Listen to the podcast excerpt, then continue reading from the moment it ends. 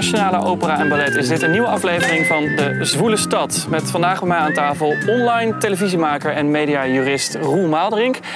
En Dionne Abdullah Fiskan, onder andere bekend van Control Al Delete, de organisatie die strijdt tegen etnisch profileren door de politie. Welkom beiden. Dionne, je houdt je bezig met hele serieuze zaken. Maar ik wil beginnen met iets echt serieus, waar we het echt even over moeten hebben. Ja. Je bent Feyenoord-fan. ja, dat is inderdaad een serieus onderwerp. dat klopt.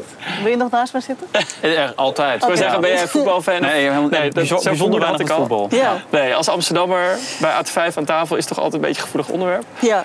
Voor jou als Amsterdammer. Ja, ja. Ja. jij bent natuurlijk niet een Amsterdammer van origine, maar... Nee, ik ben echt eh, ik ben een geboren Rotterdammer Ja. en deels ook getogen. Eh, en ik vind, eh, ik vind Amsterdam een prachtige stad. Maar eh, als het gaat om voetbal, eh, ja, dan eh, gaat mijn hart echt uit naar Feyenoord. Hoe fanatiek ben je? De afgelopen jaren iets minder fanatiek. Maar ik moet zeggen dat ik tot mijn twintigste of zo echt elke thuiswedstrijd in de Kuip zat. Dus maar- ik was echt wel heel fanatiek. En nu dus Ja, niet meer? Nee, Ook niet vlak voor corona? nee, nee. Nee. Nee, echt al een paar jaartjes niet meer. Roel, jij bent helemaal niets met voetbal, hè, begrijp ik. Nee, nee. Wel andere teams, sporten of dingen die je support? Of de- Nee, ik, ik support eigenlijk bijzonder weinig. Nee, nee, nee, ik, heb, nee ik heb niks met voetbal. Nee, ik, moet, ik doe nu zo'n show voor het AD, zo'n zo'n ochtendshow. En dan hebben we het ook eens over voetbal. En dan heb ik het over Jordi Klaasie. Dus het gaat Jordi Klaasie te heten. Ja, Klaasie, Nou, ja. Ik heb ooit eens een keer Patrick Kluivert, heb ik Patrick Kluivert geïnterviewd. Dat als ik zou hem interviewen ergens op een feestje, heb ik de verkeerde persoon staan interviewen. Dus dat is zeg maar een beetje mijn... Je moest Patrick Kluivert interviewen? Ja. En je wist niet hoe hij eruit zag? Nee, de regisseur zei, daar is Patrick Kluivert, ga me interviewen. Dus ik, ik iemand interviewen over whatever het ging. En toen, ik dacht, nou best wel een leuk interviewtje. Ja. Maar toen bleek dus Patrick Kluivert niet te zijn. En die persoon die ik interviewde zei halverwege ook, ja, maar ik voetbal helemaal niet. maar toen dacht ik, ik sta nu toch niet al drie minuten iemand te interviewen die niet Patrick Kluivert is. En dat had hij waarschijnlijk ook. Dus dat was een heel absurd interview. Maar het was ook niet live, neem ik aan, toch? Of Nee, het was niet live. Nee, dan had ik, scheelt. had ik hier nu, niet meer gezeten. Nee, waarschijnlijk. nee. Roel, jij maakt eh Foxpop. Ik denk dat veel mensen je daar wel van kennen. Een, een online programma wat nu ook eh, bij het AD af en toe langskomt. Ja. Ehm, waarin je de straat op gaat en mensen de meest random vragen stelt. Ehm, laten we even kijken naar een fragment. Mag je een trio hebben met je echtgenoot en een buitengewoon opsporingsambtenaar? Oh, dat zijn allemaal wel vragen, daar moet je heel erg diep over nadenken. In principe ben je veel te dicht bij elkaar. Bij een trio. Nou, dan Ja. moet die boa wel anderhalve meter afstand kunnen houden. Dat wordt moeilijk hoor. En als je de boa vervangt voor een politiehond, zou het dan wel mogen? Eh, ja, dat is een dier. Dus Ja. ja, dat zou het mogen. En een hond draagt het eh, coronavirus niet over. Ze geven ook echt serieus Wauw. antwoord. Wauw. Nou, op zich is het, is het natuurlijk ook wel een interessante vraag. Of het mag, of het binnen de... Ja. Jij zegt wauw, had je dit wel eens gezien? Nee, ik heb dit niet gezien, maar het is, het, ik vind het überhaupt een interessante vraag. Ja. Ja, en de antwoorden die eh, zijn inderdaad heel eerlijk vanuit de mensen. ja, geen bezwaren tegen een hond, want een hond die eh, kan geen Ja, corona precies, ja, overdragen. ja, Ja, ja. En of je afstand kan houden. Ja. Ehm, hoe is het om zoiets te maken? Want je doet dit natuurlijk ook... eh, het is satire, het is een sketch ook. Ja. Hoe vind je het om dit te maken? Eh, ja, ik vind, het wel, ja, ik vind het wel leuk om het te maken. Ja.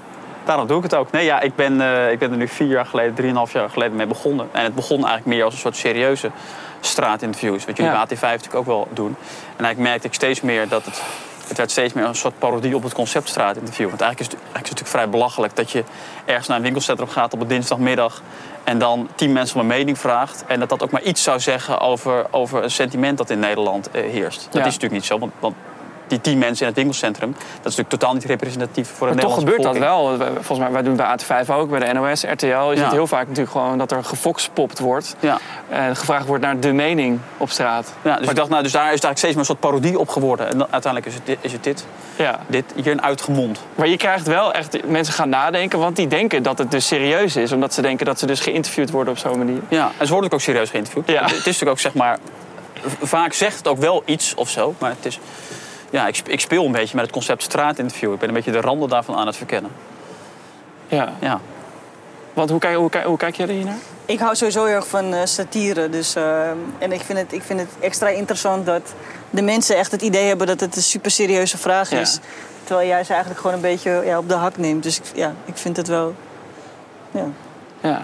ja ieder zijn vak, toch? ja, Het is een sketch met een onvoorbereide tegenspeler. Heb ja eigenlijk gezegd. wel, ja. Heb ik dat gezegd, ja? Ja, volgens mij Ja, heb je ik dat wou in een zeggen, interview wel de maar inderdaad, ja. ja. Ja. Want zeg je dan, als je iemand hebt geïnterviewd, eh, je edit het natuurlijk allemaal nog, maar Mhm. na afloop van dit was voor dit programma en het was een sketch, of is dat niet? Je gaat Nou, gewoon het door. hangt, er, hangt er een beetje van af. Je hebt soms mensen die zeggen, hey, tot ziens, of fijne dag. Nou, dan is het fijne dag. Je hebt soms Ja. mensen die vragen van tevoren of tijdens, waar is het voor? Dus dan leg ik dat, eh, dan leg ik dat uit. Ja. Dus dat hangt heel erg van, het, eh, van de persoon af. Het, het- valt er staat ook een beetje hoe het gebracht wordt, denk ik. Want als je het echt uit context zou halen en do- zou doen alsof het heel serieus is... Of, eh, of maar een element van wat mensen in zijn totaliteit aangeven... dan zou het al iets problematischer zijn. Maar dit is gewoon ja. een stukje humor. Ja. Dus het klopt altijd wel. Ja. En dat is natuurlijk het lastige. Het is een soort hele dunne lijn tussen... tussen eh, het moet ook niet... Het mag ook wel een beetje schuren. en Het mag een beetje absurdistisch zijn. Maar je hebt tegelijk ook wel een verantwoordelijkheid voor die, voor die mensen. Het moet wel kloppen in het Ja. hele verhaal. Dus, heb je als klachten gehad eigenlijk? Mensen die de afloop zeiden van wat flik je me nou? Nou, ik heb er nu voor mijn 105 afleveringen gemaakt. En ik heb wel een aantal keer gehad dat mensen inderdaad het, het, niet zo leuk vonden. Maar ik heb ook wel vaak dat mensen die het bijvoorbeeld wel zelf opeens delen op Twitter... of dat ik mensen op Facebook... Of, dus ook wel vaak dat mensen het wel leuk vinden. Ja. Heb je nu ehm, eh, het idee dat je meer moet opletten met bepaalde onderwerpen? Omdat misschien ook satire wel onder een vergrootglas ligt. Er zijn ook natuurlijk bepaalde ja, programma's of series die nu worden teruggetrokken of op een andere manier gemaakt. Maar heb je daar, hou je Ja. daar nu rekening mee? Of is dat... Ik vind het altijd wel een beetje overdreven hoor. Want dan gaat het over, een beetje over die cancel culture. Dan denk ik, ja, in Nederland, welke series in Nederland zeg maar, zijn teruggetrokken of worden niet meer uitgezonden? Volgens mij valt dat wel mee. Het is juist ook. Ik hoorde Gooise Vrouwen dat de laatste scène is geschrapt uit die film. Oh ja. Om een Nederlands voorbeeld dan maar te noemen. Maar ja. Ehm, helaas. Dat zeg ik als groot Goois vrouwenfan. Nee, ja, het, het, nee, ik, nee het, het zit mij niet in de weg. Nee, want volgens mij kan je wel heel veel dingen doen. En is het juist, wat ik leuk vind met Volkspop, is dat je juist wel zou ik willen zeggen, de, de tijdsgeest aanvoelt. En dat je daarmee aan, aan, de, aan, de, aan, aan de slag gaat. Dus ik voel het, vind het niet zozeer beperkend. Nee. En toen een verantwoordelijkheid, denk ik, ook als als satiricus. Jullie zijn beiden al eh, Ja. vroeg betrokken bij het maatschappelijke debat. Jullie doen allebei totaal iets anders, maar dat viel me wel op in de voorbereiding eh, van dit gesprek. Eh, van jongs af aan, hoe ging dat bij jou thuis? Dat je als klein meisje al echt nou ja, zo betrokken was bij allerlei maatschappelijke thema's. Ja, ik kom, ik kom uit wel een vrij maatschappij-kritische familie. Eh, dus wij zijn thuis sowieso heel erg opgevoed met civil rights movement, met muziek, eh, Motown, reggae. Eh, dus dat is allemaal ja, maatschappij-kritisch, maatschappij-bewuste eh, ja, thematiek eigenlijk. Mijn moeder is een Française, dus die is sowieso anti-autoriteit, zeg maar. En mijn vader is Surinaams gemixt. Eh, en dat brengt altijd wel, ja, het bracht altijd wel hele leuke dynamiek eh, in het, in het gezin. En eh, rondom discussies natuurlijk die, die speelden of die we meemaakten. Of, dus ik denk dat, dat dat heeft mij wel heel erg gevormd tot de persoon wie ik nu ben. En Ja. was dat echt al van jongs af aan of ontwikkelde dat zich een beetje in je... Nee, echt, echt, Tienerjaar. nee, echt van jongs af aan. Ik weet dat ik een jaar of zes of zeven was. En we hadden de, in Surinaams heb je een soort van een familieberaad. Dan komt de hele familie bij elkaar één keer in de zoveel tijd. En dan werd er over dingen gesproken. En wij werden echt verplicht om naar Roots te kijken. Eh, en als ik nu Roots terug zou, zou zien, dan denk ik van... Nou, dat is echt totaal niet geschikt voor kinderen. Is echt Is dat een serie, Roots? Roots. Roots. Ja, het gaat over Koente Kinte. En het is, het is echt niet pedagogisch verantwoord, Nee. zeg maar, om dat aan kinderen te laten zien. Maar toch de, Maar ja, en dat zegt wel echt iets over ja, de, de kennisoverdracht die bij ons thuis plaatsvond. eh, de gesprekken die we voerden. eh, dat was ook altijd, we hadden ook keukentafelgesprekken. En eh, een gesprek is eigenlijk een dialoog, hè, maar het waren vaak monologen. Dus wij luisterden. Ja, ja. En er werd tot ons gesproken, zeg maar. Maar dat is, eh, ja, ik kom wel echt uit zo'n omgeving. Dus Maar deed je dat ook op de basisschool dan bijvoorbeeld, dat je dat ja, meenam? ja, sowieso. En de juf of meester vond het nooit irritant? De- Of je dacht, hé, wat gebeurt hier? Eh, Ik denk dat het valt staat met wie, je, met wie je spreekt, zeg maar. Ik denk dat sommige mensen het heel leuk vonden dat ik altijd de waarom-vraag stelde. Ja, of- want je hebt ook een groep overgeslagen bijvoorbeeld Klopt. op de basisschool. ja, ja. Denk je dat dat ermee te maken heeft? Dat- Ja, dat denk ik wel. Omdat je, je leert al vanaf jongs af aan eigenlijk argumenteren en, en, en een breder perspectief op bepaalde kwesties te hebben. En ik weet, eh, ik heb, eh, ik heb zowel op taekwondo als op tennis gezeten. En eh, tennis, dat zou je niet zeggen, maar was ik de donkerste. Dus ik heb best wel veel nare ervaringen meegemaakt. En ik weet dat een van de, van de keren dat ik weer voor de zoveelste keer voor aap en weet ik veel wat werd uitgemaakt. Dat we daarna naar een familiefeestje zou- zouden gaan. En, en mijn moeder vertelde aan mijn oom wat er was gebeurd. En mijn oom zei van, eh, maar daar hoef je helemaal niet zorgen om te maken. Want eh, ken je Arthur Ashe? En ik zei van, eh, nee. Dus je kreeg een hele lezing over wie Arthur Ashe was. Dat was een van de eerste zwarte grote tennisspelers. Ja, En de volgende dag kwam ik op school en heb ik een spreekbeurt over Arthur Ashe gegeven. dus dat zegt wel iets over de, ja, mijn, mijn, mijn vorming als, als kind zijnde en het werk wat ik nu doe. Dat gebeurde dus allemaal aan de keukentafel. Dat was bij jou volgens mij ook zo, toch? Aan de keukentafel met je broers. Dat jullie vroeger ook al het nieuws bespraken met je ouders erbij. Die dat niet altijd, denk ik, even leuk vonden. Of? Nou, het was eigenlijk, ik heb twee oudere broers, Thijs en Jos. En dat was eigenlijk dat wij, wij hadden- als drie broers hadden we eigenlijk altijd het hoogste woord. Dus mijn ouders kwamen er eigenlijk nooit zo tussen. Ehm, en dat waren allemaal ook discussies over allerlei dingen die iemand, wat iemand las. Of wat het nieuws. Of ja, dat soort dingen. Dus dat kon er ook altijd wel hard aan toegaan. Want wat ben je daar uiteindelijk... eh, jouw broer, een van jouw broers werkt volgens mij bij De Speld. Ook Ja. satirisch Ja. Tijdschrift. Is dat- dat, denk je dat dat daar ook uit voort is gekomen? Dat jullie Ja, mijn andere broer, mijn ene zit Stefan de Speelt en die ook al bij jo- journalistieke stukken. Jos en Thijs, die is, is eh, sidekick bij Ruud de Wild op Radio 2. Ja. Ze hebben een beetje zo verdeeld eh, radio geschreven en televisie. Nee, ik denk het wel. Dat is wel. We keken vroeger ook altijd aan kopspijkers, weet je, op zaterdagavond. En we hadden dan videobanden van Van Koten en de Bee en eh, Jiske Vet en Monty Python en Ali G. En dat weet ik wel, ik was een jaar of zeven. Dus ik, toen we dat dan Van Koten en de Bee keken, van die oude man. En ik snapte dat natuurlijk eigenlijk helemaal niet. Maar ik vond dat wel zo. Ik snapte wel, dit is heel leuk of zo. Dus dat heeft me toen wel geïnspireerd. Ik dacht, dat wil ik later. Dat wil ik later ook, als ik Ja. groot ben. ja, daar ben je ook door, deels door geïnspireerd, toch? Door Ja. Coat en de Bie, volgens Ja. Dionne, ik zag net een politiehelikopter. Die vloog hier de hele tijd langs. We zitten natuurlijk buiten. eh, Ja. Dus er komen af en toe geluiden van buitenaf. Ehm, Jullie zijn mijn getuigen, ik heb niks gedaan. Jij bent ook eh, bekend van, eh van Control Alt Delete. Ja.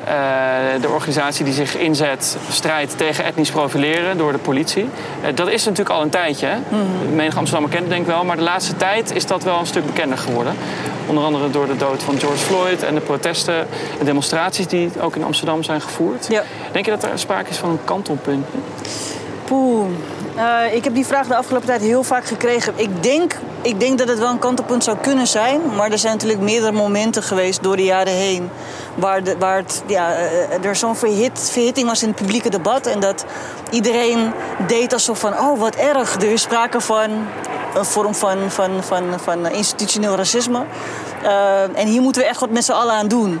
En ik vraag me af of, eh, of, of dit weer zo'n moment is dat we even een maand lang eh, nou ja, het er allemaal over hadden. Eh, iedereen een soort van wakker geschud is. Misschien ook een hele grote groep ook zoiets heeft van wat een onzin allemaal. En dat we dan over een half jaar weer ja, bezig zijn met, met iets anders. Nou, wat denk je zelf? Ik, ik, ik vind het heel moeilijk in te schatten. Ik bedoel, de hele coronaperiode eh, en de maatregelen die daarmee gepaard, zijn gegaan, heeft, gaat ook invloed hebben op de economie. Dat heeft het al. Dus de kans dat, dat de volgende discussie in de samenleving heel erg gaat over de economische crisis, eh, de, de kwetsbare positie waar mensen in verkeren, als het gaat om armoede, als het gaat om werkloosheid. Die kans is best wel aannemelijk. En ik, ik denk dat het ook goed is als daar aandacht voor is. Ik hoop alleen niet dat het ten koste gaat van een ander groot vraagstuk wat we ook in de samenleving hebben. En dat is inderdaad gewoon ja, het, het institutioneel racisme en alle gevolgen van dien. Dus Hangt ook met elkaar samen misschien toch juist Ja, wel. Die zeker. economische crisis en de sociale Zeker. ongelijkheid. Ja. En, eh, ja. Ja, zeker. Ja. Dus, eh, dus Maar ik- kan het ook niet naast elkaar bestaan? Dat er misschien wel ruimte is voor meer grote... Dat, dus ik denk dat dat nodig is, dat het naast elkaar bestaat. Maar je ziet toch als je kijkt naar, naar, naar de media en de actualiteit... Die, die, die, die focussen zich vaak op één ding. En dat wordt dan helemaal soort van uitgemolken. En dan gaan we weer over met eh, de waan van de dag. Dus ik hoop gewoon dat er wel... dat het niet een kantelpunt is, maar een soort van... eh, hoe zeg je dat? Een, ehm, ja, een, positie dat dit ook echt... Blijft, blijft bestaan en dat we daar ook met elkaar over, niet alleen over gaan hebben, maar dat we ook echt maatregelen gaan treffen. Hoe denk jij daarover, Roel? Nou, dat zou wel mooi zijn. Ja. Ja. Het is natuurlijk, dit avond de dag dat gaat weer door. Maar, maar ja. Ik, tegelijkertijd denk ik wel dat er nu een soort momentum is. En dat zelfs eh, Rutte en Dijkhoff opeens een soort van positie aan het, aan het veranderen zijn en zo. Dus, dus, nou ja. Over een standpunt over Zwarte Piet Bijvoorbeeld, ja. ja. Ehm, en is ook daarover gesproken hè, dat de Nederlandse bevolking opeens dat er een meerderheid is, is eh, voor aanpassing. Dus ik heb wel het idee dat in, in dat opzicht 2020 wel een belangrijk jaar zou, zou kunnen eh, zijn. Ja, je hebt zo meteen natuurlijk de verkiezingen. Dus die kunnen ook heel bepalend zijn in hoeverre dit zeg maar uh, ja, on top of mind blijft. Ja. Ik denk dat het de kunst is om het geagendeerd te blijven houden. En dat iedereen daar zijn verantwoordelijkheid ook in moet nemen. Dus, uh... Over verantwoordelijkheid gesproken. Wij zijn bij de mediamakers. Om bij jou te beginnen, vind jij dat wij een, ook een verantwoordelijkheid hebben hierin?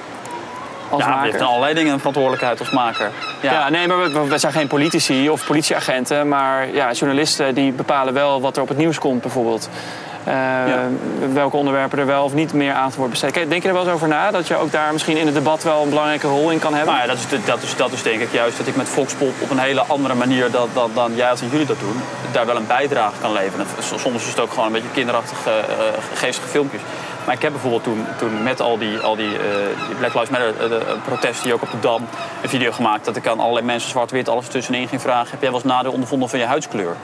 En dat alle witte mensen zeiden, ja, nee, geen idee, waar heb je het over? Ja, ik zie geen kleur, bla bla. Ja. En, en, en, alle mensen van kleur met allerlei verhalen kwamen. Hoe vaak ze gefouilleerd waren, hoe ze zich, zich uh, altijd, altijd heel sympathiek moeten opstellen, omdat ze anders heel anders benaderd worden.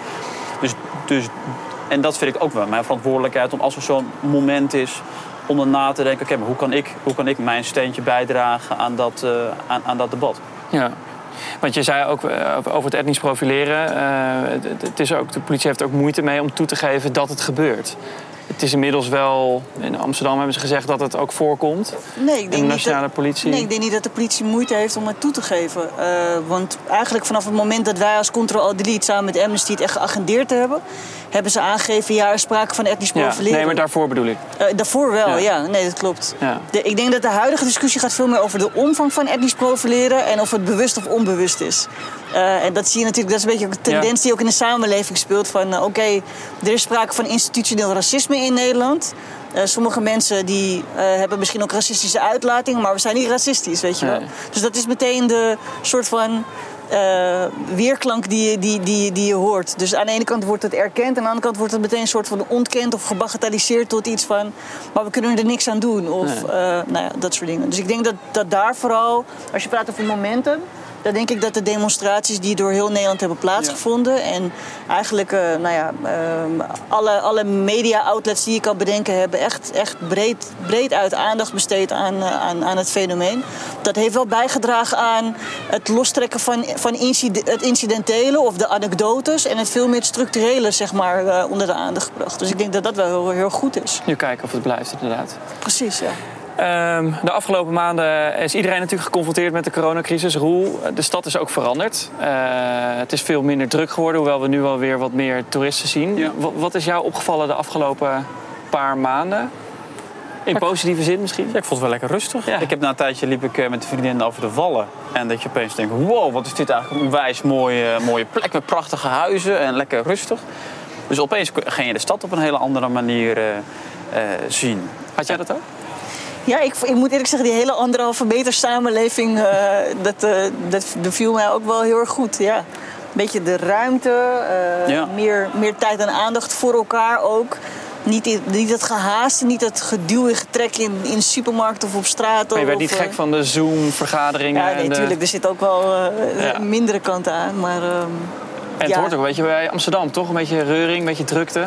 Nee, ik hou enorm van reuring, maar meer die, die anderhalve meter afstand die Ja. we tot elkaar moesten hebben, dat vond ik ook wel eventjes prettig. Gewoon Ja. dat eventjes een beetje... Even lucht. Even een beetje lucht, ja. De Zoom-meetings daarentegen, dat is... eh, nee, geef mij maar gewoon een fysieke aangelegenheid. Dat is veel, eh, veel persoonlijker. Ja. Eh, maar ja, het is... ik denk dat het wel goed is dat we even... Hoe noemen ze het? Een intelligente lockdown hebben gezeten om... om, eh, om ook eh, tot een stukje bezinning te komen. Ik denk dat heel veel mensen daar ook wel eh, behoefte aan hadden. Hopen dat we niet er weer in terugkomen. Dat is toch een Ja. beetje waarover gesproken wordt. Roel, ik begreep dat jij eh, je nogal druk maakt over eh, de huizenmarkt in de stad. Volgens mij ben je niet de enige. Nee, ik wou net zeggen, volgens mij moet iedereen die... Om maar even over de staat van de stad eh, ja, te blijven moet, spreken. moet, zou iedereen zich of dan gewoon druk maken, maar volgens mij zou Nee, maar iedereen... je vond ook dat niet iedereen zich daar druk over maakt, toch? Dat je dat tegenviel. Eh, Ja, er is denk ik heel erg een soort ge- ge- gelatenheid bij heel veel jonge mensen die denken, nou ja, het is eigenlijk niet mogelijk om een, om een huis te kopen. Dus ik moet maar eh, tot in de eeuwigheid de eeuwen een, een kamertje van, van 8 vierkante meter blijven huren voor 800 euro. En maandelijks dat geld overmaken aan Wiebren van Haga of Prins Bernhard Maar junior. woon jij zo dan of niet? Dat je... Nou, ik heb iets meer ruimte. Mijn kamer is iets groter en ik, heb, ik betaal iets minder. Maar het is hetzelfde. Het is ook hetzelfde. Het is natuurlijk allemaal, allemaal mensen die, die maar blijven huren omdat ze eigenlijk niks kunnen kopen. Een hele jonge generatie. En dat geld dat gaat grotendeels naar de mensen die eigenlijk al meer dan genoeg eh, eh, g- pandjes dan wel geld eh, bezitten. Ja. En er is een soort gelatenheid dat natuurlijk eigenlijk absurd is. Dat er allerlei docenten zijn die hier lesgeven op een school, maar vervolgens niet in de stad kunnen wonen. Dat je, als jij verpleegkundige bent, het OLVG, Ja. moet je mazzel hebben dat je heel lang op een wachtlijst staat voor sociale huurwoning. Anders is het, ga maar ergens anders wonen. Ja. Dat is natuurlijk, je ook niet. het is natuurlijk totaal krankzinnig. Ja. Nee, eens. Hetzelfde gaat volgens mij voor agenten, toch? Die het ook, Ja. verdienen ook niet genoeg om hier te kunnen wonen. Nee, ik, ik denk dat gewoon heel hulpverlenend Nederland eh, een uitdaging heeft op de woningmarkt in de grote steden. Ja. En of dat nou in het politieagenten zijn of brandweerlieden of, eh, of leerkrachten of eh, eh, zorgpersoneel. Het is, in de grote stad is het gewoon niet te betalen. Nee. Eh, en ik denk zeker ook eh, voor jongeren. Jij zegt nog eh, een kamer van 8 vierkante meter. Dan moet je nog mazzel hebben. Want de meesten die zitten volgens mij gewoon nu tot hun 30ste of 35ste bij hun ouders thuis. Omdat, omdat ze niks kunnen vinden. De wacht, wachtlijsten zo, zo groot zijn. En als je wat vindt, dan is het onbetaalbaar, zeg maar. Dus Ja. daar, zit, daar gaan wel wat uitdagingen mee gepaard. Ja. Ja. Maar ja, wat, wat is er dan? Heb je een, een idee waarvan je denkt van nou, misschien dat hier gewoon meer dat het of hoger op de agenda moet komen? Ik bedoel, volgens mij is Amsterdam daar ook wel druk mee. Ja, volgens mij komt het langzaamaan hoger op de agenda. Volgens mij was die hotelstop. Maar goed, Ja. dat, is, dat is, gaat dan pas, eh, dat duurt even voordat, dat, voordat het ingaat. En je mag hopen dat die coronacrisis er wat minder expats en zo, en zo komen. Maar het is natuurlijk ook de vraag of het, of het logisch is dat, dat een, een Prins Bernhard junior hier eh, Ja. indirect van ons belastinggeld 150 panden bezit. Wieberen van Hagen met zijn shopper de pop, weet ik veel hoeveel panden eh, be- bezit. Weet je wat? Weird. Je- ik bedoel, in principe heb je een huis gewoon zelf mee te wonen. En misschien nog een tweede huis daarnaast voor pensioen. Maar als jouw bedrijf, jouw onderneming is panden verhuren aan mensen met minder geld. Ja. Nou ja, dat is een, vrij, vrij karige onderneming, vind ik Ja. dat.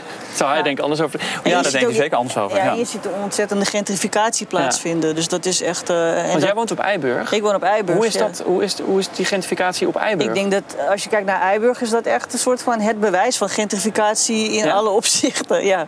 Het is eh, aan de ene kant. en- maar aan de andere kant, ik vind het een hele een, een, een, een prettig deel van, eh, van, van, van Oost. Want het is natuurlijk nog niet zo'n oude wijk. Nee, het is, het is Dat vrij gaat heel nieuw. snel dan. Ja, het is vrij nieuw. Eh, en aan de ene kant is het, lijkt het heel erg gesegregeerd. Maar op straat komt alles wel samen. Eh, dus ik vind het een heel prettig stadsdeel eh, om te wonen. Maar maar het, is, het is wel een probleem natuurlijk. Ja. Je ziet, je ziet echt wel een groot verschil tussen de vrijstaande woningen, de vrije sectorwoningen, de combinatie van vrije sector en sociale huurwoning, dat is het gedeelte waar ik woon, en echt de sociale huurwoningen. En ik vind vooral dat de kwaliteit van de huizen zie je het enorm. Eh, je ziet ook aan, aan de wijze waarop bijvoorbeeld eh, afval wel of niet wordt opgehaald. Dat vind ik sowieso een groot probleem in, in, in de stad. Ja. Ehm, je ziet het aan, aan eh, ja, de kwaliteit van leven gewoon.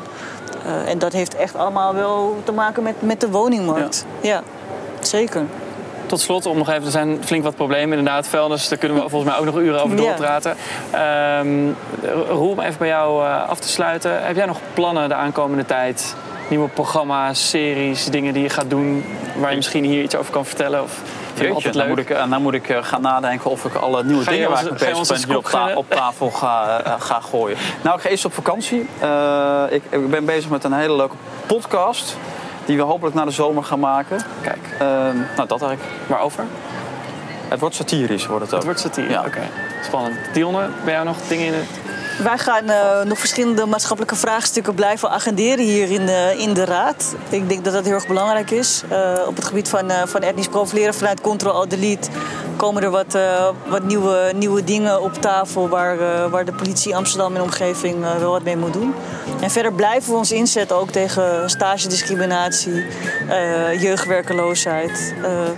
Eh, en misschien moeten we maar een keertje praten om ook wat meer te doen als het gaat om gentrificatie in de woningmarkt. Maar, eh, Kijk, er wordt een soort plannetje Wordt druk. ja, we, gaan jou, eh, we gaan jou daarvoor eh, Heel helemaal prepareren. Heel gaan we zo naar uitzending. goed. Zit erop, jongens. Keep up the good work. Dank voor jullie komst. Geen dank. En eh, u thuis ook dank voor het kijken naar deze aflevering eh, van De Zwoele Stad. Nog een hele fijne avond.